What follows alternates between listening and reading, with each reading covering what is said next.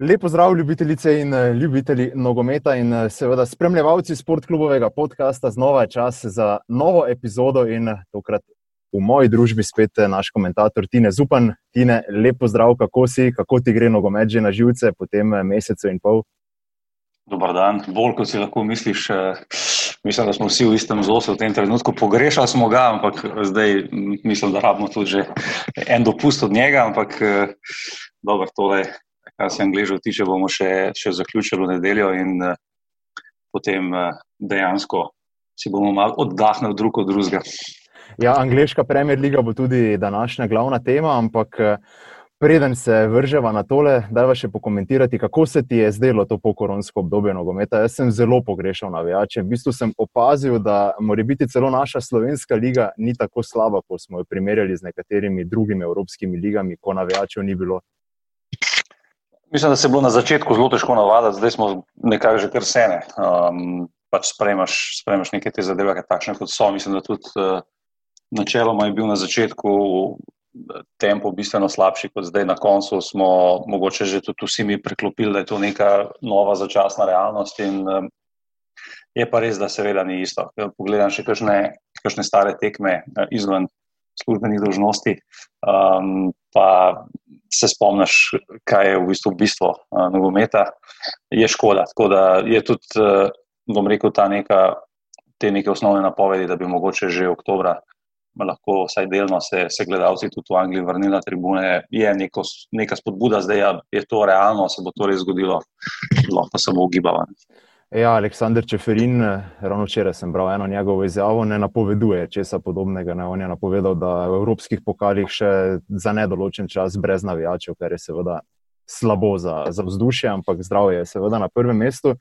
Zdaj pa greva na tisto glavno temo. 28. sezona Premier lige se končuje, zelo posebna sezona, seveda, ker si je Liverpool po 30 letih zagotovil povsem zasluženo, jasno, naslov angliških prvakov. Mi dva pa smo si zadala en poseben izziv in sicer, da bova sestavila idealno enajsterico, oziroma vsak pri sebi je sestavil idealno enajsterico, zdaj pa bova vse skupaj primerjala. Tina, najprej ocena sezone. Za mene je bila v prvem delu zelo turbulentna, razen Liverpool, seveda. Nekaj nepričakovanih porazov Manchester City, pa spet eh, zelo slaba sezona za Arsenal in Tottenham. Kdo je tebe najbolj razočaral, v bistvu začniva takole? Um, dobro vprašanje. Ja. Zdaj, če, če, če govorimo o, o arsenalu, ki se ga omenil, ne vem, če lahko. Pač, mislim, da smo se tega nekako že navadili. Um, jaz bi vsem rekel, da je verjetno izven tega Tottenhamova sezona, glede na to, da je igral lani finale lige prvakov, pa da je sredi po začetku slavne sezone ostal brez brez človeka, ki je bil obraz te ekipe zadnjih let, se pravi Mauricija Početina, um, bi lahko nekako rekel, da je to, da Tottenham po teh zadnjih uspešnih letih zdaj ne pride v Ligo prvakov letos, tudi glede na to, da je po kakršni koli sreči že igral finale lani, da so kar oni um, verjetno največje razočaranje sezone. Ja, um, zdaj, Morin je vseeno, potem ko je prevzel, eh, dal nek svoj podpis. Ne? Še posebej, če pogledamo te točke, ki so jih oni osvojili v obdobju, potem ko jih je on prevzel, se napoveduje, da bi lahko drugo leto vseeno bili boljši. Še posebej, če bodo igrali tako kot na tisti tvoj zadnji tekmi, ki si jo komentiral, Tottenham, ko so bili res strupeni sproti napada proti Leicester City. To je ta igra, ki zdaj nekako ta ekipa dobiva pečat uh, Murinja. Na začetku je bil nek pozitiven efekt po njegovem prihodu, zaznan, vmes um, se je že zdelo, da to ne pele pač v neko dobro smer, ampak jasno, da je treba v zakup vzeti tudi vse te težave s poškodbami, ki jih je, uh, ki jih je klub imel in tudi to, da na nek način. Um, je vendarle tudi uh, zdaj ta prihajajoči prestopni rok uh, nekaj, kar bo definiralo tudi, tudi kakšno smer bo Tottenham šel uh, pod Murinjom. To bo pač prvi prestopni rok, katerem bo, v katerem bo Murinjo lahko dejansko dal nek, nek, svoj, uh, nek svoj vpliv na, na to, kakšno ekipo hoče. In to, kar, smo, kar si omenil, videl proti Lesterju, mislim, da je neka, neka pot naprej. Uh, ki jo lahko Tottenham pričakujemo, se pravi, bistveno drugačen Tottenham, kot je bil pod, pod početinom. Uh, ampak um, vedno je največji čar nogometa, da ni pravilnega načina, da ga igraš. In tudi uh, ta nogomet uh, ekstremnega, ekstremne dinamike proti napada, ki ga Mourinho preferira, kot da dobro zgleda, zgleda res, res zelo dobro. In zadnjič je, uh, a je to zdaj možno čez, čez neko daljše obdobje obdržati, uh, bomo videli. Od tega je pa odvisno, kako bo, bo topnem konkurenčen v, v naslednji sezoni. Ja, vsa poglavja še niso zaključena, sicer v tej sezoni zadnji krok nas še čaka, predvsem boj za Ligo Prvakov, pa tudi za obstanek. Da ne bo samo uh, negativna, kaj pa pozitivna presenečenja za me, mislim, da najlepše presenečenje je Sheffield United, ker za res uh, ekipa Krisa Wildera je bila v tej sezoni neverjetna. Mogoče, če ne bi bilo premora, bi zdaj spremljali Sheffield United uh, v evropskih tekmovanjih. Ne? ker so zares bili fantastični takrat. Ja, dve, dve zadevi. Če, verjetno, če do premora bi jaz celo rekel, da je Lester, um, vendar le neka izstopajoča zgodba, kakorkoli je Sheffield United, se strinjam, neka, neka, neka čudovita popestritev za ligo. Je pa res, da se mi zdi, da ekipe. Kot so Sheffield United, so, so celo profitirale iz, iz tega premora prvenstva, ker gre za ekipe, ki izjemno malo rotirajo, za ekipe, ki, ki bazirajo vse na, na neki veliki funkcionalnosti in uigranosti kadra, kar pomeni tudi, da ni možnosti, da se kaj zelo veliko menja v, v začetni desterici. Um, tako da vprašanje, kaj je bilo Sheffield United, če bi se ti sreditev nadaljeval, um, je pa res, da so na ta način.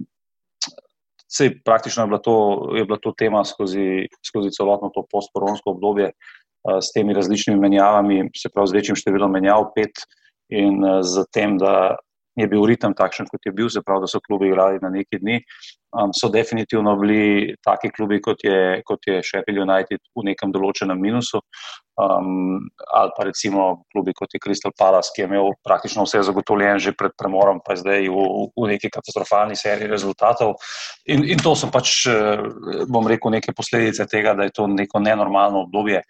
Bolj kot ne so te klubi pripravljeni na igranje ene tekme tedensko in ne na tega evropskega ritma, um, kar seveda potegne neke, neke zadeve za seboj. Zato tudi mislim, da je tudi za en Wolverhampton uh, ta pauza bila v redu, za ekipo, ki je že lani začela, začela v kvalifikacijah za Ligo Evropa, že več kot eno leto, se pravi, uh, so brez pauze. Uh, tako da za njih je bila tudi ta neka stvar dobra in moram reči, da tudi oni, mislim, da se lahko ta nek top 3, če smo že to sestavili, najprijetnejši presenečen, definitivno morajo in, in lahko uvrstijo. Ja, postkoronsko obdobje je jaz kot presenečenje omenil še Burnley. Oni tudi imajo težave, kar se tiče rotiranja. Veliko tekem, tudi ko ni bilo več kot treh eh, novincev na zelenici, ampak vseeno fantastična forma. In na koncu celo Burnley zdaj na devetem mestu. To mislim, da si ni nišče predstavljal ob, ob premoru. Saj jaz ne bi takrat eh, njih nikoli postavil v zgornjo polovico lestvice. Pa ne bi bil edini.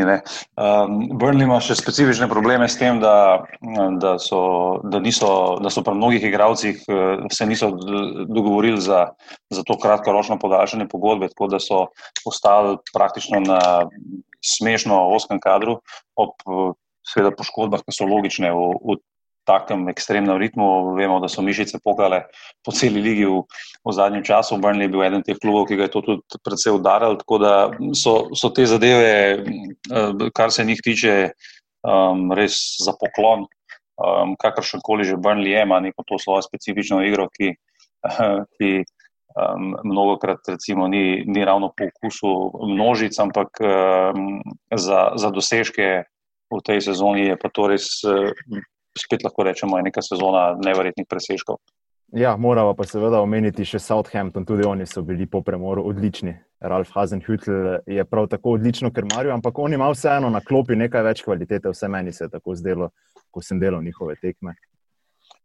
Ja, je pa res, da jaz bi rekel, da Hazenhütl je, moram reči, trener zelo po mojem okusu, že, že iz, iz časov iz Nemčije avstrijski klub. Um, tako, tako. In, uh, zanimivo je, da, bi, da recimo, če pogledaš neke ekipe, ekipe spodnjega dela lestvice, ne, pa jih eh, nekako igralsko analiziraš, je moje mnenje, da pač nekih zelo bistvenih razlik um, med. Uh, med kadri samimi ni. Vse, vse ekipe imajo pač nekaj istopajočih posameznikov, večinoma pa gre za igralce, ki se nekako več ali manj rotirajo po klubih, ki sem nekam spadajo, se pravi, neki spodnji rang eh, najvišjega uh, najvišjega nogometa v Angliji. In uh, zato tle pr, pri, pri, pri Southamptonu mislim, da je zelo pozitivno, da, da klub ni, ni ravnal. Um, brez glave po tistem katastrofalnem porazu proti Lesterju z 9-nič v prvem delu sezone, in, in se je pokazalo dejansko, da ti lahko z, nekim, z neko preudarno politiko, če verjameš v to, kaj delaš, tudi take poraze preživiš in greš naprej, brez da vrečeš neke drakonske, drakonske poteze. Uh, in tukaj moram reči, da je tudi uh, celotna klubska struktura, ki v Southamptonu v zadnjih letih ni, uh, ni tako stabilna, kot je, bila, kot je bila pred leti, zaradi različnih razlogov, o katerih pač nimamo časa zdaj, da o njih razpravljamo. Ampak uh, definitivno je to, je to velik plus za Southampton in je tudi se pokazalo, da, da je Hasan Hotel tu z nekim izjemno za moje pojme, kakovostno omejenim kadrom, pa pač zgolj Denija Inksa um, naredil res lepo pozitivno zgodbo v tem času po prekinitvi, kot si rekel. Ja, se strinjam. Zdaj pa mislim, da je čas, da, da greva na najni idealni enajsterici. Začela bova v golu. Kdo je tisti, ki bo prvi razkril, koga je izbral? Kako se bo zmerila? Um, jaz moram reči tako, no, da bomo malo mal informacij, informacij dala, kaj smo počela. Se pravi, Najno izhodišče je bilo, da se stavijo vsak uh, najboljšo enajsterico skoraj da pretekle sezone, se pravi, zadnji krok dejansko ne more kaj bistveno vplivati na te stvari. Um, oba dva sva, kot sva ugotovila, sestavljena enajsterico v postavitvi 4-3-3. Um, jaz sem izhajal iz tega, da sem se pravi sestavljal začetno enajsterico in pri vsakem igralcu naredil še prvo menjavo. Um, zdaj bomo videli, kako bo šla v razpravo, ampak kar se gola tiče, um, pač nisem mogel mimo Alisona. Um, jasno je, da bo Liverpool dominiral um, v teh najnižjih enajstericah, brez tega absolutno uh, ne gre. Um, ampak mislim, da je Alison že po, po, svoji, po svojih zaslugah uh, v, v zadnjih dveh letih pri Liverpoolu kaj prenesel svojo stabilnost, še posebej, če vemo, kakšen kaos se je na golu Liverpoola dogajal predtem. Um, je mislim, da njegov celokupni vpliv na, na te uspehe Liverpoola v, v, v zadnjih dveh letih in uh, celokupni vpliv na, na to, kako Liverpool igra. Se pravi, gre za vrtarja, ki je super v igri z nogo, kar je dan danes že praktično neka neizbežna karakteristika pri golmanih, ki jo iščemo. Zato pač je, je za me Alison prvi vrtar sezone. Ja, ti si šel na zicer, jaz sem napisal Alisona na prvo, ampak eh, potem sem pogledal na sterico, pa sem bil tak, okay, ali sestavljamo Sanski Liverpool, ali pa bomo provali kako presenetiti. In jaz sem se odločil za Nika Paupa. Ima... To je moj backup, Goldman, by the way. Tako da torej se strinjam. Samo obrnila, vsakeč pri meni. Tako, tako, tako. Paup ima tudi fantastično statistiko v tej sezoni, zato mislim, da, da si prav tako zasluži, da je v teh debatah za, za vratarja za vratarja leta. Je pa bil pri meni Pope zelo priljubljen že pred tisto sezono, preden si je poškodoval ramo. Takrat je bil res na, na dobri poti, da postane tudi prvi vratar Anglije. Meni, meni se zdi, da je on lahko za res dolgoročna rešitev tudi v angliški reprezentanci. Tudi, eh, ko sem gledal statistike, Pop je eh, odigral 15 tekem, brez da bi dobil gol v letošnji sezoni.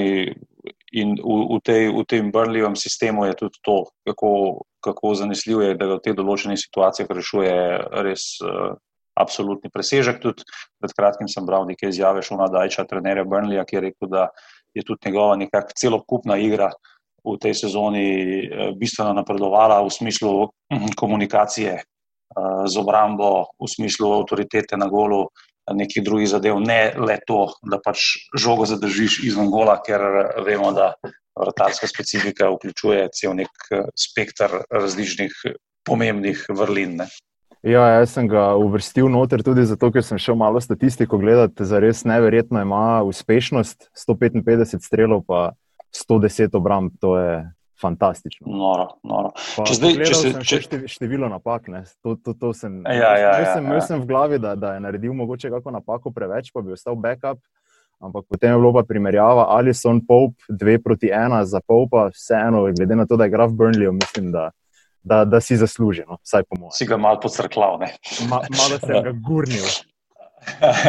Zdaj, jaz sem si sicer uh, pri, teh, uh, pri vseh položajih naredil še neko skupino igralcev, ki jih lahko dava v kategorijo honorable mentions, kot ti mu rečejo angliži, se pravi neke častne omembe. Zdaj, kar se Golmanov tiče, bi vendarle izpostavil še Edersona.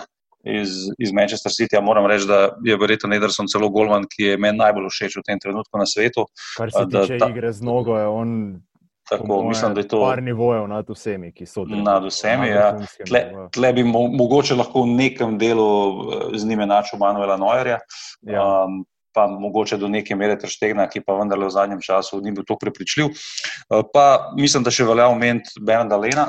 Um, glede na fantastično sezono, glede na to, kakšno tako. obrambo ima Arsenal, je neverjetno. Uh, Bernard Leno je tudi drugi najuspešnejši po, po odstotku zaustavljenih strelov.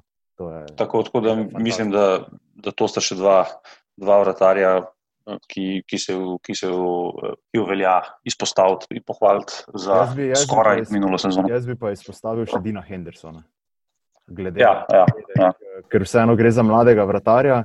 Njegova, mislim, da tretja sezona v članski ekipi, pa prva, jasno, v Premier League, polanski v Championshipu. In tudi on je zelo dobro um, usmerjal obrambo Sheffielda, čeprav je jasno, njihova taktika postavljena tako, da, da ni veliko strelov, vsaj ne toliko, kot bi jih imel najverjetneje kje druge. Sam vseeno mislim, da še ni pripravljen za rdeče vrage. To je pa bo tako naslednja debata, ki bo, bo tle aktualna v, v prihodnosti. To je že za naslednjo sezono. Kam greva zdaj na levega beka ali na desnega? Kakor boš rekel. Mislim, da, da, da je tako ali tako pri obeh jasno, kaj je prva izbira. ne more biti drugače. Lahko pa kar, ju, ju pa kar zajameva skupaj, se pravi, tle ne moramo mimo Trenta, Aleksandra Arnolda in, in Robertsona. Um, gre, za, gre za v bistvu, bomo rekli, kot da bi, da bi igralca, ki sta na novo definirala te položaje, še posebej, če govorimo o Aleksandru Arnoldu, tudi uh, 13 asistenc uh, v, v tej sezoni lige. Uh, lahko da je tudi kakšna več, jaz sem nek, nek podatek nekaj izvlekel, ki mogoče niči zanesljiv, nima niti veze, ali jih je 13 ali jih je 200, pri trendu je, je, je ta produktivnost uh, res najverjetna in nadaljuje trend um, tega, kar se je začelo dogajati v zadnjih letih, se pravi, da eh, nek, nekdani vezisti igrajo, igrajo na, na bočnih položajih v obrambi, v tem se je smislu se je nogomet, nogomet začel spreminjati, tako da um, trend uh, je ne samo najboljši igralec na tej poziciji v Ligi, ne samo najboljši igralec na tej poziciji v Evropi, ampak uh, tudi zelo resen kandidat za igralca leta uh, v Angliji um, in neka neverjetna dolgoročna rešitev tudi za. Za reprezentanco na tem položaju, Robertson na drugi strani, nekoliko mogoče drugačen tip igralca, bolj klasičen, kot rečemo, Bek. Um, ja, ampak vseeno v napadu zelo dejaven. Ne? Izjemen, oba dva, seveda, ofenzivno, veliko boljša kot, kot defenzivno, ampak to je, to je, to je, to je ta slog. Pač Liverpoola je pa tudi, sta pa tudi oba, seveda, izjemna v, v nekih zadevah presinga, kar brez česa pri klopu. Itak ne gre oba noro število asistenc uh, v tej sezoni in nekako dopolnjevanje. Na katero bi bil ponosen tudi David Beckham ne, v svojih zlatih letih. Eh, recimo, recimo, Morda kak gol ma, eh, manjka, ampak vseeno, to je statistika za vrhunskega krilnega vezista ne, iz nekaj let. Tako, tako, tako, ja. Res noro. Predvidevam, da si izbral ista dva. ja, mislim, da si kar brez težav uganil moj izbor. Eh, na levi strani sem potem kar dolgo premleval, koga še omeniti. Uh, meni je mhm. bil skozi sezono, ne glede na vse pace v formi, zelo všeč eh, Ben Chilwell. Mhm. Na, na desni strani pa predvsem zaradi statistike v obrambi eh, Van Bisaka. Razmislil sem še o Doertiju, ampak vseeno mi je Van Bisaka bil res všeč, kar se tiče pomoči v obrambi. Ja, tudi mislim, da je Ivan Bisaka napredoval, kar se tiče ofenzivne igre v tej sezoni pri Unitedu. Chilwell je definitivno igralec, mimo kjer ga ne moramo. Um, tako da jaz sem ga omenil med temi svojimi častnimi omembami, sem pa zbral dva druga igralca za backup. Um, na desni strani sem se odločil za Ricardo Pereiro iz Lesterja. Um, mogoče je nek splošni vtis za njega pokvaril to, da je v zadnjem času pač poškodovan in da ga ni, ampak tisti prvi del sezone, kjer je Lester res norev letel in igral noro nogomet, je bil, je bil pač Ricardo eden, eden ključnih členov tega, eh, kar se je dogajalo. Na levi strani sem pa tudi jaz na začetku pač uh, imel zacahnanga Čilvela, um, ampak sem se na koncu iz uh, smisla preboja v tej sezoni odločil, da je moj izbor Bukajo Saka. Um, čeprav gre za krilnega igralca v osnovi in igralca, ki je v zadnjem času zelo ogromen igral centralnega vezista, je Bukajo Saka v bistvu svoj preboj naredil v članski konkurenci prav na položaju levega močnega branilca in je, tudi, in je tudi deloval zelo, zelo dobro in glede na to, da gre za ekstremno mladega igralca, ki mislim, da je tudi v tem trenutku nek kronski dragul te arsenalove politike uveljavljanja igralcev iz svoje akademije, mislim, da sem na podlagi tega se vendarle odločil, da je moja backup izbira on. Ja, on je res eh, neverjetno inteligenten. Eh, noro je, kako ga je Arteta uporabljal, kot si rekel, v napadu, potem ko so šli na 3-4-3, ga je uporabljal eh, v vezni liniji in se mi je zdelo, da ko je on igral na, pa rečemo, bočnem položaju, da so imeli v obrambi veliko manj luken kot sicer res neverjeten igralec. Ja, in, mogoče mi ga je celo malo škoda za, za, za napad, ker v zaključkih ni tako močen kot uh, naprimer, če daš Obama Janga na, na krilni položaj ne, ali pa, ali pa uh, Martinelija, on je tudi, naprimer, finišer. Ja, zanimivo je tudi, kako se njemu. Pač, To za mladega igralca je to pomembno, ne, da se ti malo mogoče tudi poklopi z neko srečo v nesreči, kot se njemu zaradi, zaradi poškodb Tirnija in Kolašinca um, da se je ta pač položaj odprl, ker če bi čakal na to, da se bo prebil spredaj, ne ob vseh teh igralcih, eh, ki si, ki si jih našteval, je to pač ta pot bistveno bolj zaprta. Tako da, ko mlad igralec pride v, v prvo moštvo, seveda mora upati na to, da bo igral kjerkoli. Ne? In njemu se, je, njemu se je ta zadeva poklopila in res uh, še eden izmed, izmed super mladih angliških igralcev, ki, ki v zadnjih letih res uh, kaplajo na sceno en za drugim. Ja, pa v dobro mu gre zagotovo, da je tako dobro odigral na vseh položajih, kamor ga je Arteta postavil. To seveda da še neko dodatno težo temu, kljub mladosti, seveda uporaben posod. Pa lepo je, da smo nekoga iz Arsenala dal zraven. No? Ja, seveda, ker če ne bi na topničari že zdaj izklopili. tako, tako. uh, ok, tri je vezisti, torej. Kaj greva prvo? Na, na nekoliko bolj obrambno naravnanega? A ne, štopare. štopare. Uh, sem... Bure, Bure se je odločil, da je napad najboljša obramba, ampak eh, bomo mogla se vendarle ostati še na centralnih, na centralnih pozicijah. Jaz, eh, seveda. Enega um, mama, oba en, enaka. En je Virgil van Dijk, eh, jasno, igralec, ki bi verjetno lani tudi mogel postati zlata žoga. Um, se strinjam. Ampak ok. Um, jaz sem se, dolgo sem premleval, koga da zraven njega, verjamem, da tudi ti, ker so se ja, tudi o tem malo, malo pogovarjali, ampak na koncu sem se odločil za Sojunčuja uh, iz Lesterja. Um, zaradi različnih razlogov, zaradi tega, ker je imel uh, velik pritisk kot menjava za Harryja Maguireja, ker je um, igralec, ki je v, nekem, v neki gradni igre v začetku napada, bom rekel, modern, modern štoper. Ja, veliko bolj kot Maguire. Mehak na žogi, eh, ob tem pa ekstremno agresiven. Um, tako da je, je definitivno, še posebej po zelo težki prvi sezoni v Angliji, ko praktično ni igral, um, je, je letos res bil spet, bom rekel, nek stebr Lesterjevih uspehov do prekinitve prvenstva, ker vemo, da je pol Lester praktično rad druga ekipa. Um, ampak eh, za moje pojme so Junču super sezona in uh, sem ga nagradil v svoji enajsterici uh, sezone. Ja, jaz sem pa v Vandajka postavil klasičnega angliškega štoperja, Johna Igena. Predvsem zato, ker uh, sem sestavljal vse skupaj pred dvema zaporednima porazama Sheffield United in takrat je Sheffield imel drugo najboljšo obrambo v ligi. In glede na to, da gre za novinca v ligi in da je John Egan bil res pravi poglavar obrambe, se mi je zdelo prav, da izpostavimo tudi nekoga iz Sheffielda je bil pa Sojunč prav tako v, v ožjem izboru pri meni in je med tistimi, ki ga bomo zdaj omenili. Ja, jaz sem, recimo, mogoče se v backupih eh, za štoprske položaje naslanjal na neko, neko podobno logiko kot ti.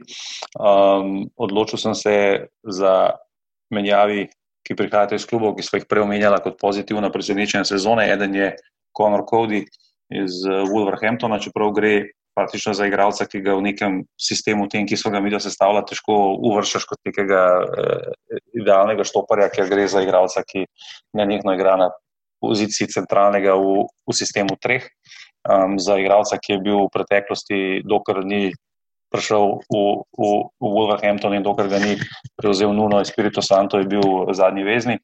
Ampak to, da praktično ne spusti tekme, veliko pove o njegovi vrednosti v tej ekipi, ki je izjemno taktično zbrzirana in on, zadnjič sem bral en zanimiv članek o njemu, tudi glede njegovih liderskih sposobnosti in moram reči, da je naredil impresivno kariero po odhodu iz Liverpoola, kjer je dal mladost skozi. Tako da to je moj prvi backup. Eh, za drugi backup sem se odločil za Jamesa Tarkovskega iz Burnleya. Tako kot uh, si prej omenil, gre za izjemno starovodnega angliškega branilca, ampak uh, igralca, ki postavi svoje telo vsakič uh, v blok, uh, ki je dobil malo more skokov v tej sezoni, ki je mislim, da prevzel neko, neko to centralno vlogo v Brnljevi obrambi, um, ki vemo, da, da funkcionira odlično v zadnjem času, zato, zato sem se na koncu, na koncu odločil še za njega. Ja, jaz, bom, jaz bom pa omenil še enega. Sojunža sem ti tako ali tako rekel, da sem ga izbral, potem sem se pa odločil med Kodijem, Bolijem in Fernandinjem. In eh, glede na sezono Fernandinja sem se odločil za njega, ker ima tudi Manchester City odlično obrambo. Sicer so imeli veliko težav, eh, kar se tiče poškodb, in eh, ko je Fernandinja Guardiola povlekel nazaj, je v bistvu odigral nekaj za res noro dobrih tekem. Tako da časna omemba za Brazilce. Tako, jaz pa še časni omembi, dve, tri. ja. v, v, mislim, da se splača omeniti eh, še Nathana Akeja iz, ja, iz Bournemoutha, ki je igral v Manchester City. Nekam, nekam zagotovo. Yeah. Ja. Um, tako da on, mislim, da tudi po stabilnosti v zadnjih letih je, je, je radil nek, nek nadstandardni igralec na tem položaju. Um, omenil bi tudi Johnnyja Evansa, ki mislim, da ima tudi neko zelo, zelo dobro sezono, odkar, odkar se je ustalil v Lesterju, um, igra super. Um, veteran že premier lige, preverjena kvaliteta, pa vseeno bi dodal še, še dva, ki bosta ki mogoče po nekih parametrih komu ne bosta ustrezala. En je Harry Maguire, uh, mislim, da je vendarle so neke kritike na račun tega, kakšna je njegova sezona pretirane.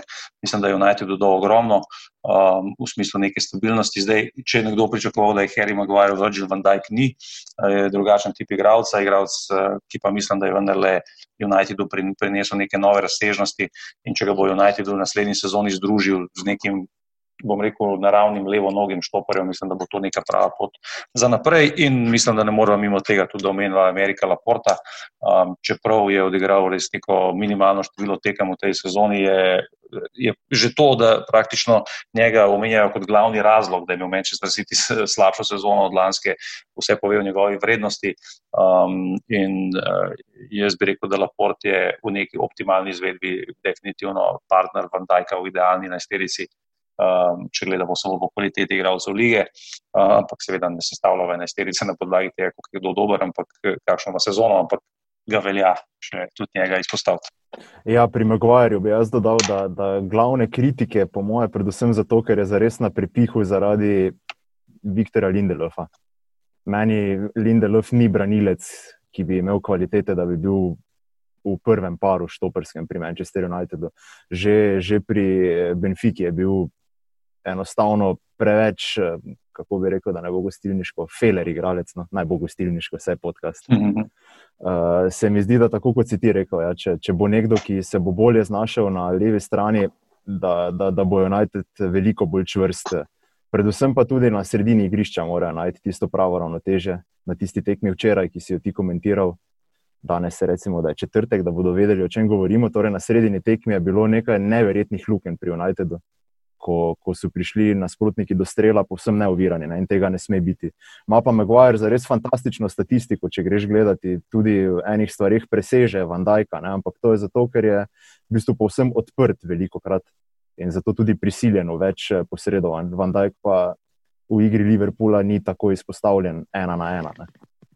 Ja, tudi pač Dajk ima neke, neke nadstandardne motorične sposobnosti v primerjavi z Maguirejem. Maguire je bistveno bolj ukoren igralec in če ga tudi te hitrejši eh, napadalci v, v, v ligi dobijo na nekem odprtem prostoru, on tukaj težko parira. Ne. Tako da jasno, da ima Maguire tudi neke svoje svoje pomankljivosti, ni človek, pa rezi. Ampak, eh, branje igre ima Van Dijk boljše, ne postavljanje. Eh, ja, ja, ampak mislim, da pač Maguire ne moramo, ne moramo imeti kot, eh, kot igralca, ki je imel, je imel slabo sezono, za moje pojmene. Niti približno. Ampak vseeno, ko pa dobiš eh, oznako najdražji branilec na svetu. Pa, tako, to je breme tega. Ja. Gleda, gledamo nekako drugače, ne z drugega zornega pogleda. Tako je. Tako je. No, zdaj pa sva tam, kjer sem jaz že bil pri vezistih. Dobro. Uh, prva izbira za me je kapetan Liverpoola, Jordan Henderson. To je moj obrambni vezist. Na prvo žogo, ampak mislim, da njegov vpliv je enostavno zelo velik in ga je treba izpostaviti, čeprav mora biti na oko ni tako pomemben, kot, kot bi potem statistično ob njegovi prisotnosti, ko gledamo zmage, pa uspešnost Liverpoola lahko seveda izpostavili. Ja, jasno, sem tudi Henderson uvrstil. Henderson je celo zelo verjetno igral sezone v Angliji. Um, govorim o tem, da bo verjetno prejel to nagrado. Kaj je moje mnenje, bom, bom povedal kasneje. Um, ampak Henderson na tem položaju, sicer v Liverpoolu ne igra, kamor so ga, so ga mi dva dala, tudi je igral veliko krat, sicer, ampak bolj mu ustreza ta nekako rečemo, box to box vloga. Um, ampak ja, njegov vpliv celoten eh, na, na to, kaj je Liverpool postal, kakšna pošastja je ta njegova, je res ta njegova neumorna dinamika na sredini igrišča. Liverpool nasploh eh, lahko rečemo, da ima. Zvezdno vrsto zastavljeno neko specifično, uh, predvsem na to, da ta zvezdna vrsta s to neko neskončno količino teka um, dopolnjuje to, kar počnejo te tri v napadu in kar predvsem lahko dobita svobodo oba, oba močna branilca. Um, tako da Hendersonova vloga tle je absolutno ključna, kot tudi vloga Fabinja, ki sem ga pač uvrstil kot njegov backup na tej poziciji, čeprav je dejansko Fabinjo pač to njegov položaj v Liverpoolu, Hendersonov pa nekoliko više, ampak kot uh, vsi nogometni romantiki sva štartala na to, da bo v zvezdni vrsti dodala še dva bolj uh, kreativna igralca. Ja, jaz sem pri Hendersonu za backup dal uh, Wilfreda Ndidija ker mi je bil zelo všeč, predvsem v tistem prvem delu sezone. Je bil nekdo, ki je tudi močno spominjal prav na Fabinja. Takrat je zares eh, čistil zadaj vse, kar je bilo začistiti. Tudi v te obrambne, obrambne statistike so nepredstavljive, tako da mislim, da je on definitivno igral za največje klube. Sicer mogoče mu tehnično v nekem smislu, v primerjavi s Fabinjom, veliko zmanjka, ampak v smislu razgradnje igre, razbijanja, to, tazga, takih igralcev ni veliko v Evropi kot je on. Tako da tle je definitivno. Krške zna delati, ne? zelo malo tako. kartonov dobiva, glede na to, koliko krat prekine igro nasprotnika. Ja, ja, on je svoje telesne. Pač ja, znanje potem, da je daleč eh, najbolj ploden tekler. Uh, Ne vem, spoh, kako bi slovenci to prevedemo, ampak pač štarta na največ žog in jih tudi največ vzame v ligi. Tako da za me je sicer tle njegov manjko v tej sezoni, tako, tako kot pri, pri nekih drugih igralcih, predvsem to, kdo je bil odsoten zaradi poškodb v tej sezoni.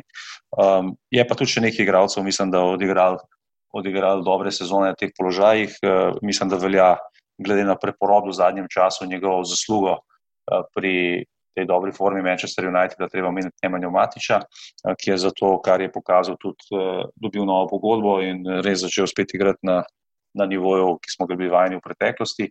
Um, tako da, sto, da je vsem kritikom za prvo usta, mu je treba čestitati. Omenil bi pa še uh, tudi Deklana Rajsa iz West Hama, zelo dobra sezona, odigral vse tekme, vse minute v ligi. Um, mogoče Rubena Neveša, iz, iz Wolverhamptona, nekoga, ki je postal že stalnica na tem nivoju, pa še nekoga, ki je v zadnjem času um, postal, bom rekel, nekdo v Angliji, to je pa um, Tomaš Savček iz, iz West Hama.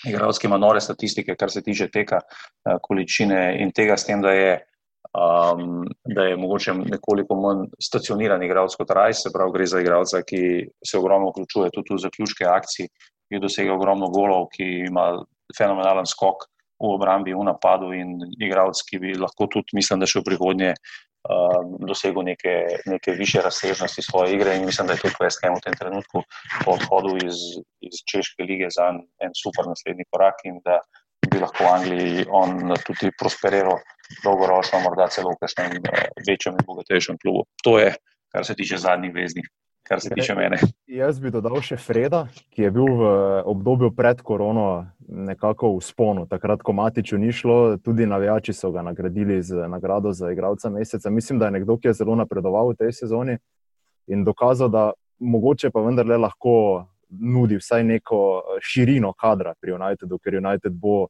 če bo želel napasti kakšno Lovoriko v naslednji sezoni, tisto največje, jasno, potreboval širok kader. Pa omenil bi še enega iz eh, Sheffield Uniteda, to pa je Oliver Norwood, tudi on eh, z odlično sezono. Tudi igralski je zanimivo iz tega svojega položaja pri Sheffield Unitedu, tisti, ki ustvarja največ priložnosti.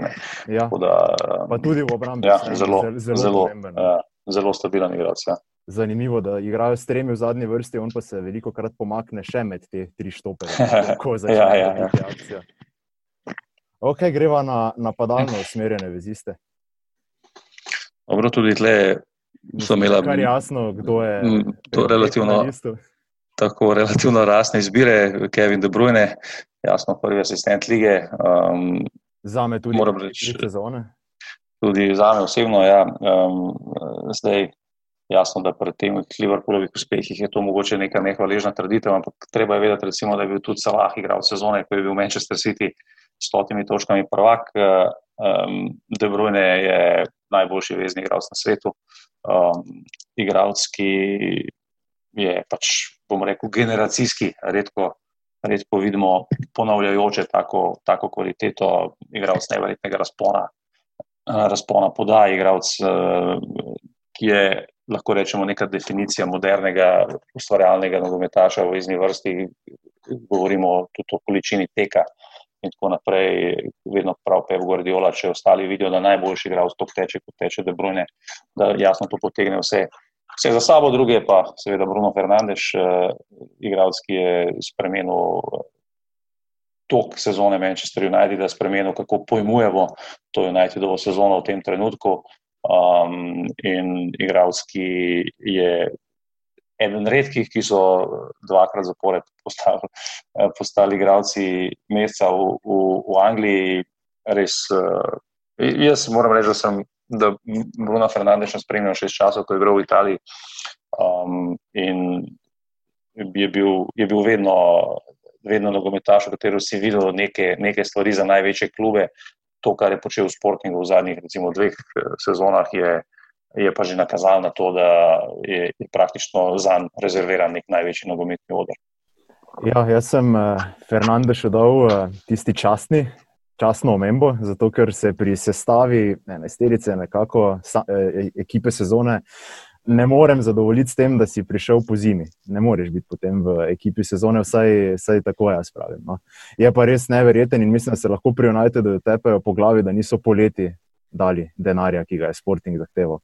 Tudi jaz sem ga veliko krat opazoval pri Sportingu, za voljo tega, ker smo imeli vedno pravice za Portugalsko ligo in je bil res nivo nad uh, ligo nos, res neverjeten je bil pri Sportingu ko, ko jim ni šlo, je on zelo žogo, to je pač kot da si gledal igranje FIFA, naredil vse sam, pa še Goldov. Res statistiko ima prav bombastično.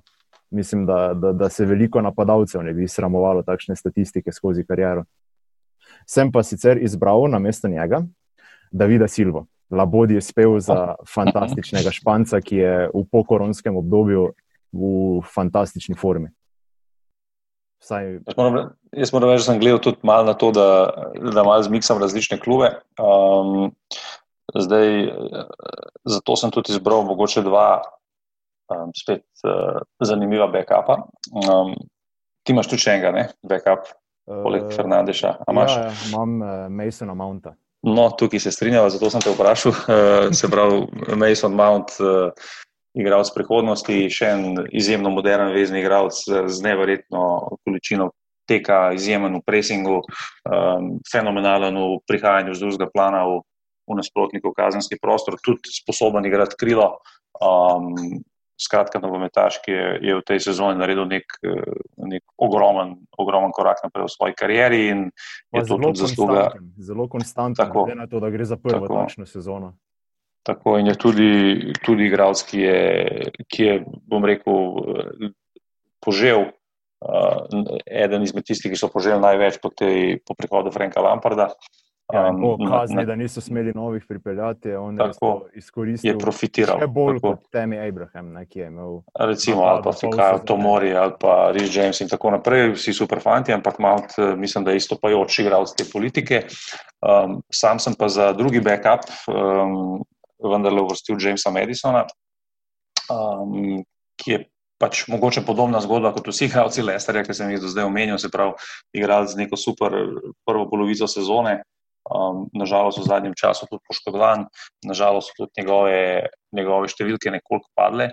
Um, že v obdobju preden se je poškodoval, ampak nogometaš, ki je bil, je bil zasluženo omenjan tudi v povezavi z največjimi klubi v Angliji za prihodnost. Um, tako da je, je tudi nekdo, ki mislim, da je v tej sezoni naredil, naredil nek korak uh, v nek elitni razred uh, igralcev na tem položaju v, v Angliji. Ja, jaz se njega spomnim še iz eh, Norwich Cityja, zares eh, že takrat je izstopal. V tej sezoni, pa tudi če odštejemo uh, dejstvo, da je izvajal večino prekinitev, je še vedno neverjetno veliko krat pripravil priložnost svojim soigravcem. Zato se strinjam, da si zasluži tudi časno omembo. Bi pa jaz omenil še Jacka Griliša. Pač mm. Zaradi uvrstitve Aston Ville na lestvici ga težko daš uh, v kombinacijo za ekipo sezono. Sezone, ampak je pa vseeno dokazal, da, da lahko igra na najvišjem nivoju, tudi na nivoju, da se mora biti zdaj more preseliti tudi v klub, ki je med top 6. Zares mislim, da, da je prerasel Aston Villa že v prejšnji. Glede, še nisem omenil za enkrat, če ga imam sicer zapisanega, predvsem zato, ker v Govili konstantno ga krilo.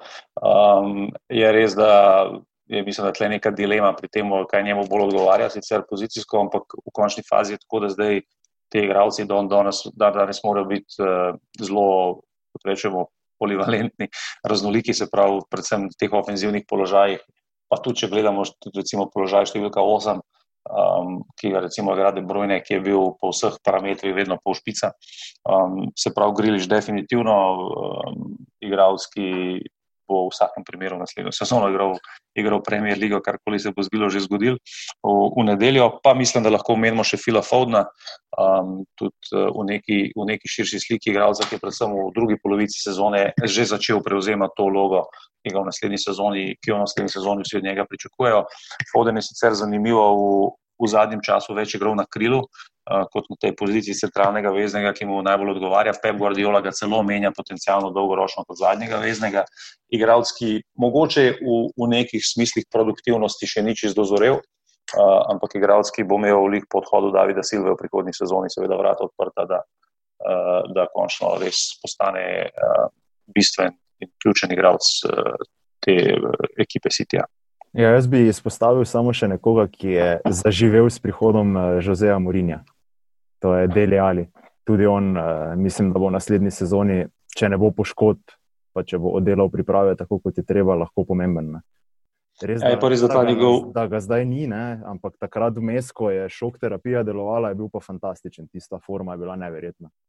Ja, zdaj pri Aliju je edina skrb to, da ta njegov zaton traja že kar nekaj časa, zdaj ali bo, ali bo to v naslednji, v naslednji situaciji, v naslednji sezoni um, se stabiliziralo, um, je, je, treba, je treba počakati pa videti. Uh, definitivno tiste neke, nekih par prebliskov vmes je je bilo zelo spodbudnih, um, je pa jasno pri njemu, da že nekaj časa se vleče ta. Ta neka čudna forma in to konstantnost, da se vrne na nek nivo, ki ga je že kazal v preteklosti, bo mogel, bo mogel dokazati v prihodnje, recimo tudi uh, po neki kakršni koli logiki uh, kvalitete. Bi v teh, na teh položajih, če zaključujemo zdaj z vezno linijo, lahko biti nekje v, v računici tudi Angolo Kante.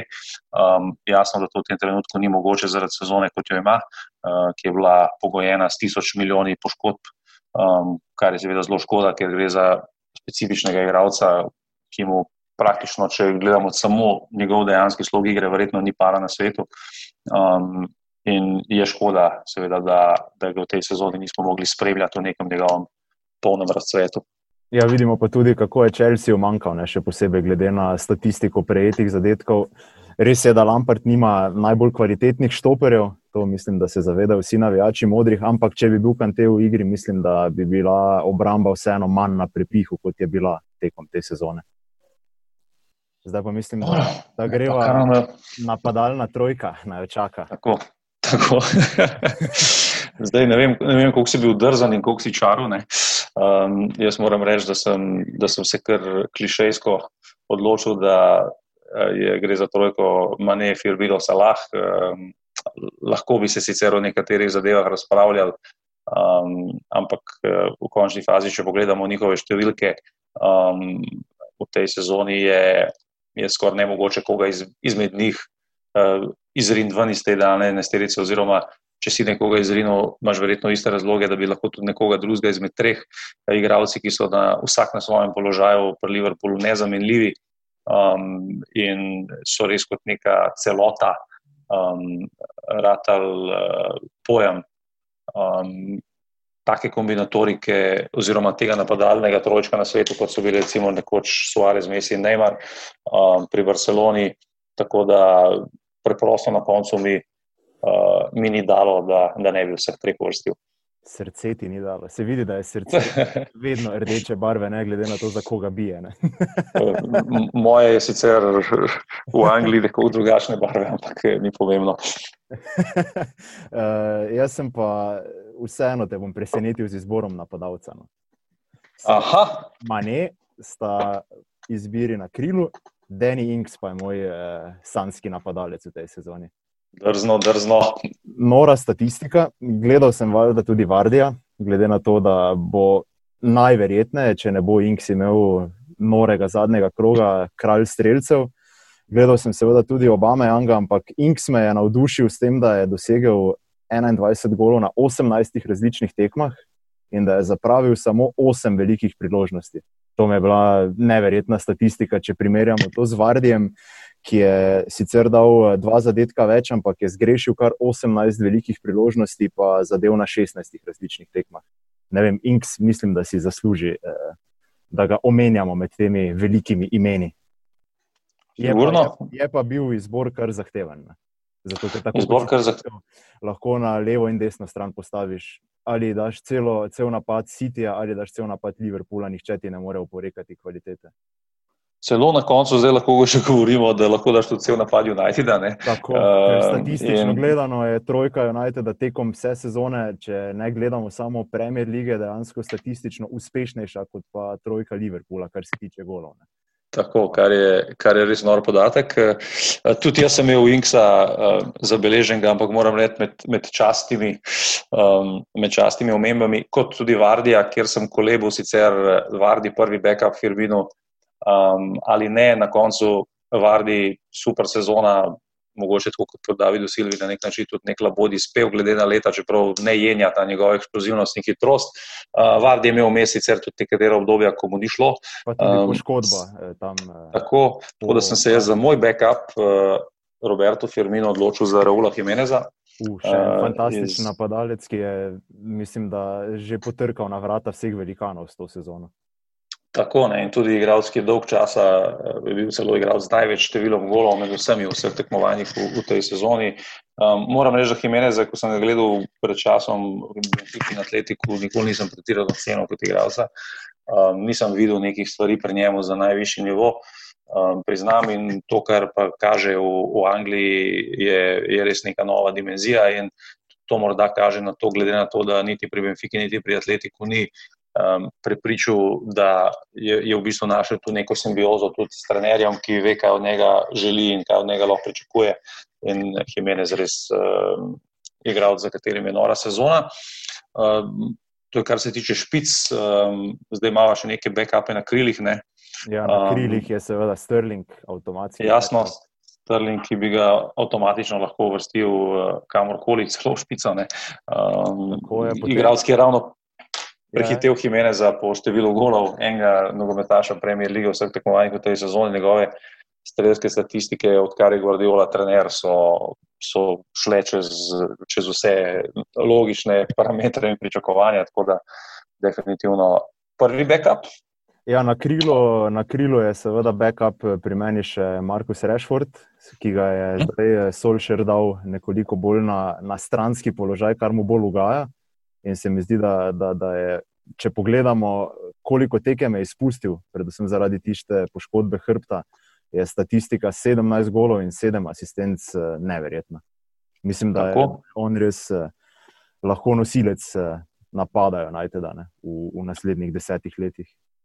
Tako, Rašvor, da sem imel jaz tudi zabeleženega, ampak um, čeprav je malo noro, no, da, da hvalimo tale napadalni trio Manchester United, da pa nobenega od njih nisem vrstil niti v backup, ampak na koncu sem se vendarle pred Rašvordom odločil za Damo Traoreja um, še enega igralca, ki, eh, ki je v tej sezoni naredil nek, eh, nek, nor, ne, nek nor korak naprej v smislu neke produktivnosti. Igralski je sicer zelo specifičen, um, ima tudi neke pomankljivosti v smislu nogometne inteligence, bom grdo rekel. Ampak, ja, predvsem mir, vse je ni na umu. Ne, ne, se nisem mislil tako. Ampak glave, ne neke, neke odločitve v napadalni tretjini so mnogo krat pri njemu pač pod vprašanjem. Ampak igralec, ki po nekih fizičnih karakteristikah zgleda, kot da je prišel iz druge galaksije um, in je res tudi v neki tej specifični igri Wolverhamptona zelo. Zelo pomembno. Zdaj, tukaj imamo, mislim, da na teh ofenzivnih položajih še cel kup nekih nekih igralcev, ki jih lahko menjava. Ja, tudi um, Richarlison si zasluži omembo, ne glede zagotovo. na sezono Evertona. Um, Greenwood. Marcial tudi, naprimer, ki je sicer zdaj bolj klasična špica, ampak še vedno vemo, da mu tudi na krilu ga igrati in je končno uspel povezati, mora biti koliko šest tekem za povrste, da je prikazal nek nivo, ne ni več eh, tega paca v formi in pa, kot si že omenil, Mason Greenwood, dragulj United. Gremo od nora sezona, tudi uh, mislim, da v perspektivi igralski bo zdaj desetletje in več dominiral v Angliji. Eh, mladi igralec, uh, oziroma domači igralec Manchester United, kar United seveda ustreza v smislu tega, da so to igralci, ki teže grejo. To je tudi neka britanska usmeritev Uniteda, odkar je svoj še trener. Um, na nek podoben način kot Marsijala, ampak mogoče še bolj specifično, lahko omenjamo tudi Obama, Janga, seveda.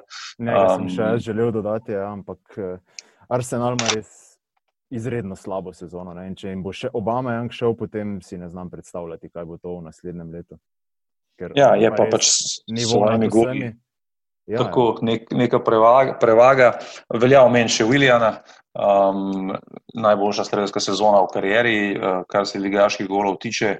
Um, ja, čeprav mu poteka pogodba še vedno zacementirana v začetni enajsterici pri Čelsiju, um, velja omeniti, da tudi uh, ja. Sona iz, Sona. Iz, iz Totnama, um, tudi za njega ne moramo reči, da ima slabo sezono, kljub temu, da je bil mes poškodovan, pa da kljub ima težave. Edini ki, edini, edini, ki je vojsko odslužil in ima tako statistiko. ja. ja, edini od starih jugočasov, ki mu je to uspelo. Eh, meni, meni je bil eh, v finišu te sezone fantastičen še Mikel Antonijo. Res. Tako, no, ja. Kako je pa on napredoval zdaj v zadnjih tekmah, to je pa neverjetno. Prej, prej se mi je zdelo, da ga nihče niti ni znal umestiti v enajsterico, nihče ni vedel, kje je boljši, ali je v napadu ali je na krilu ali je lahko bočni branilec v 3-5-2, zdaj, zdaj pa mhm. se mi zdi, da je postal malo bolj definiran. Nekaj, kar je že nakazoval, sicer. je pa specifičen, tako kot Adama Traore. Mislim, da bi na ta način tako. Sodelovala, vsaj, vsaj glede na izgled, tudi v finalu tega na 100 metrov.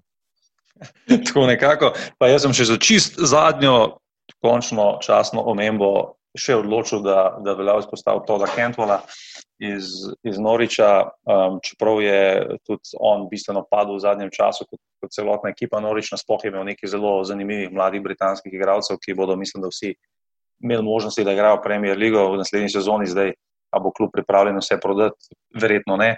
Ampak Kentwell je, je eden tistih, ki mislim, da bo med prvimi. Med prvimi najdemo neko, neko mesto v nekem uh, močnejšem in ambicioznejšem klubu v prihodnji, v prihodnji sezoni in upam, da se bo pač vrnil tudi na nivo uh, igre, ki jo je kazal recimo v prvi polovici prvenstva, po prvih mesecih prvenstva, uh, ker bi to tudi uh, v perspektivi za neko angliško reprezentanco lahko bilo zanimivo. Ja, Norveč ima še eno težavo, da bodo zagotovo izgubili tudi oba bočna branilca. Ja, zdaj sicer oni, kot ja, pa, pa Godfrija, pa Buendijo, pa imajo cel kup nekih zanimivih igralcev, ki, ki so lahko um, na koncu je, je tako izpadlo, celo, da, da se noben več ne pogovarja o Pukiju, ne, ki, je, ki je sezono strelsko noro začel, uh, pa se potem čisto hladil. Mm, ampak to pač je ta nivo. Um, in to pač vedno, ko govorimo o, o vrhunskem nivoju govorimo, predvsem, da je, to, da je to vse posledica konstantnosti. Če ti to ponavljaš iz leta v leto, v leto, v leto potem, potem si, si top uh, igralec. Če imaš pač preblizu par mesečne dobre forme, potem uh, je, je to premalo, da, da bi se te vključevalo v take debate, kot jih imamo danes. Ja, jaz mislim, da je Puki bil skozi celo kariero tak, da je imel noro obdobje, potem ga pa eno leto ni bilo nikjer. In, da, in mislim, da bo to tudi tisto prvo, na kar bomo pomislili, ko bo končal kariero. Čeprav mislim, da, da ne bo veliko nogometnih romantikov, ki bo razmišljalo o tem upukju. no, na finskem, verjetno jih bo, ene pa. Ta, tam jih bo, ja. tisti, tisti, ki ne spremljajo več eh, povratka Jana Ahonena na smučarske, na smučarske skoke. Pravi, že so med njimi. Eh, ja, mislim, da nam je še vseeno ostalo nekaj. Ne? Trener leta. Mislim, da da ob tem, ko se je ti ne pozdravil z mačko. Ja, um, imam, imam še enega strokovnega, strokovnega gosta med najnim podcastom. Um, Jaz mislim, da ja, ne more biti dileme. Ne, ne, ne more biti dileme mimo, mimo klopa, jasno. Lahko ima sicer kakšne hipsterske izbire. Hipsterska uh, izbira za me, veš, da bo Chris Wilder, ker me je navdušil. Jasno, tudi, tudi na nek način je to tudi, logično. Tudi Brandon Rogers z prvim delom sezone. Tako je bil, je, je bil sigurno za oment uh, ogromen. Solšer, tudi Solšer se mi zdi, da je napredoval. Sploh glede na to, da smo ga tudi mi dva, mislim, da v enem izmed prejšnjih podkastov kar eh, malo pošimfala, je zdaj dokazal, da, da, da razume filozofijo United, vseeno. Ja, se je razumel, je skosne. Problem pri njemu je, je bil to, da ti nimaš nekega splošnega zaupanja, če je on persona za to voditi. Zdaj, v zadnjem Eno času. Dimenzionalen trener je. Ne? Vidimo, da forma... menjati taktiko, da, da je ekipa tako v težavah, tako kot je bilo v FA pokalu. Ampak zdaj to, pri, tre, pri trenerjih je dosti kadra. Doskrat je tako pri trenerjih, da, da ko so rezultati, je, je seveda je seveda trenerja veliko velik lažje pohvaliti, kot jih ni šel, če je že v nekem določenem obdobju zelo vesel, spet v tej sezoni, saj javno, zdaj kaj je bilo v klubu, ne vemo. Um, po drugi strani pa je v tem obdobju, mislim, da mu je treba, treba definitivno priznati neko, neko stabilizacijo in tudi neko normalizacijo, uh, predvsem kadrovske politike United, za katero mislim, da je on najbolj, najbolj zaslužena oseba. Um, in neki pozitivni znaki pri Unitedu se definitivno kažejo pod njegovim vodstvom. A bo to trajalo, a bo naslednja sezona bo, bo, bo, bo bistveno najbolj pomembna v tem, kako, kako bomo pojmovali to, to njegovo obdobje, verjetno. Jaz bi ga dal na mesto športnega direktorja. Tole mislim, da bi mu bolj ugajalo. Uh, časna omemba pa seveda še za nekoga, ki smo ga že hvalili v samem uvodu, Ralf Hazenhüttl za mene fantastično, glede na to, kakšno kvaliteto ima v kadru, je noro, kaj so vse naredili letos. Seveda, pa lahko to, kakšno vzdušje je naredil pri Southamptonu. Ja, pa lahko govorimo o Šonu Dajču, lahko v končni fazi nula omenimo Frank Lampard, ena zelo specifična sezona, ki jo je izjemno dobro speljal. Mislim, meni je tudi zelo všeč po, po retoriki, po komuniciranju. Ja, meni je bil že lani okay. pri Darby Countyju fantastičen.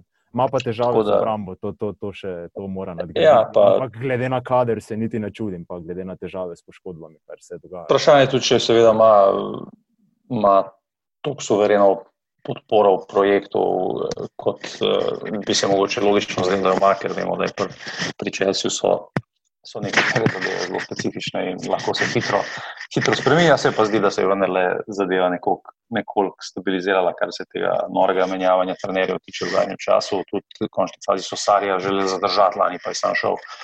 Um, tako da se kot, bo, kot, kot pravijo pametni prihodnost, bo, bo pokazala in povedala svoje. Greva še na dve nagradi.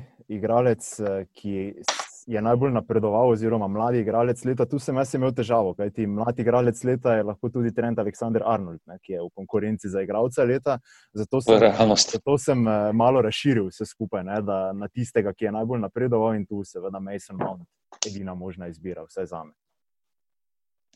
Teh mladih igralcev so cel kup uh, omenjala. Mount je, je definitivno nekdo, ki je ujel neko noro konstanto, zagotovo um, lahko v neki tej enačbi uh, razmišljamo tudi o Greenwoodu, um, glede, na, glede na starost in glede na vpliv, ki ga je imel na, na ta United v preporotu v zadnjem času. Um, je teh, teh, teh mladih fantov vse več, ki so, ki so v tej sezoni naredili, naredili neke premike, v končni fazi spet lahko rečem, Bukajo Saka, eden teh, uh, ki, ki so definitivno tudi zajadrali v, v, neko to, v neko to takšno pravo smer. Veliko igralcev dobiva, dobiva vse več priložnosti, uh, vse mlajši tudi na premier ligaškem nivoju, kar je, kar je tudi iz vidika reprezentance za Anglijo seveda neka dobra stvar. Okay, pa še MVP sezone, ki so ga tako ali tako že razkrila, za me je to Kevin De Bruyne. Ja, se pravi, mnenje, ki mogoče ni, ni čisto v skladu s tem, eh, kaj, kaj se je z leto zgodilo v ligi. Um, tudi, mislim, da je povsem upravičljivo in logično, da, da so Liverpoolovi igralci tukaj v, v, v vseh debatah v prednosti. Um, nekako splošno mnenje gre v to, da bo nagrado za najboljšega igralca sezone v Angliji dobil Henderson. Um, rekel sem že prej, da mogoče bi jaz celo prej se odločil za Aleksandra Arnolda. Tudi jaz, um, če bi izbiral tega. Ja, lani zagotovo za Vandajka. Um, absolutno bi lahko bil tudi Mane, um, kandidat za to, verjetno celo prej kot Salah in, in Firmino. Skratka, kandidatov pri Liverpoolu ne skončam, ampak eh, če pa gledamo samo strogo kvaliteto igre, da izločimo dosežke v tej sezoni, je pa tudi pač za me dobro. Um, najboljši igralec lige in najboljši vezni na svetu in uh, najboljši igralec sezone. Jaz da bova pa dala še poseben izziv tudi za vse poslušalce podcasta in uh, sicer, da boste tudi vi med uh, temi najnimi prvimi izbirami in backupi v glasovanju izbrali sport klubovo enajsterico lige v Premier Ligi. Kaj misliš? Bo, bo šlo po najnih notah ali bo več backupov dobilo uh, mesto v sanski zasedbi? Zelo odvisno, um, navijači, katerih klubov bodo največ glasovali. Jaz mislim, da pač mimo tega, da bo ogromno igralcev Liverpoola ne bo šlo, um, ostalo je pa, je pa vedno stvar okusa in uh, to je tudi pač čar nogometa, da se, da se redko strinjamo, da imamo vsi svoje poglede, svoje mnenja in da, da je tudi zato debata vedno zabavna in, in zanimiva. Ja, zato seveda tudi vsi vabljeni, da s kakšnim komentarjem tako na spletni strani kot na Instagramu, Facebooku podate svoje mnenje, zakaj ste se odločili za, za koga na posameznem položaju. Zdaj pa ti ne en krok je še pred nami. Katero tekmo boš spremljal, kje te lahko naši gledalci zasledijo? Um, spremljal bom tekmo med eh, Chelseaom in eh, Wolverhamptonom, uh, se pravi zadnja tekma sezone, v kateri Chelsea uh, potrjuje Ligo prvakov. Včeraj vemo, da mu to ni uspelo proti, uh, proti Liverpoolu. Vseeno ima, ima izhodišče v redu, glede na to, da sam odloča o svoji usodi. Sicer je Chelsea v tem trenutku celo padel na četrto mesto, United ga je s točko proti West Hamu prehitev. Ampak vemo, da United in Leicester pred sabo računata, tako da Chelsea mora upraviti svoje delo in, in, in bo vse v redu, kar se njega tiče, ampak je pa res, da, da tekma, ki jo ima pred sabo, definitivno um, ni tekma, ki bi jo želel igrati v zadnjem krogu, Wolves doma, Wolves, ki so ekipa, ki je mogoče v nekaterih stvarih se bo bolj ustreza um, igranje na gostovanju, tako da bo, bo zelo, zelo pestra. Ja, jaz bom eh, kar pogosto spremljal rezultat tvoje tekme, kajti sam eh, bom komentiral obračun Crystal Palace eh, Tottenham. In seveda bo za Tottenham zelo pomembno, kakšen bo izid na tej tekmi v luči borbe za uvrstitev v kvalifikacije za Evropsko ligo. Ja, zanimivo je, da se še toliko stvari odloča, ne? da imamo sicer te, to glavno reč že nekaj časa rešeno, uh, ampak vse je še odprt, Liga prvakov, Evropa, tudi uh, dol se bodo še, ja. še borili tako, um, tako, da bo tole med 17 in 19 uro zelo vroče. Ja, vabljeni v našo družbo, vabljeni seveda, da stisnete subscribe, podcast lahko spremljate na vseh eh, platformah, ki to podpirajo. Tine slavi Hetrik, kot kaže. Morava dodati, da smo to posnela nadaljavo in eh, se opazovala s pomočjo webkamere. Hvala ti za, za tvoj čas. Upam, da ti nisem vzel preveč eh, prostega do podneva. Srečno, seveda, v nedeljo. Upam, da bo tvoja tekma zelo dobra. Enako, hvala. In eh, seveda vabljeni v najno družbo znova, ko se bo vse skupaj začelo v prihodnji sezoni. Lep pozdrav. Adijo.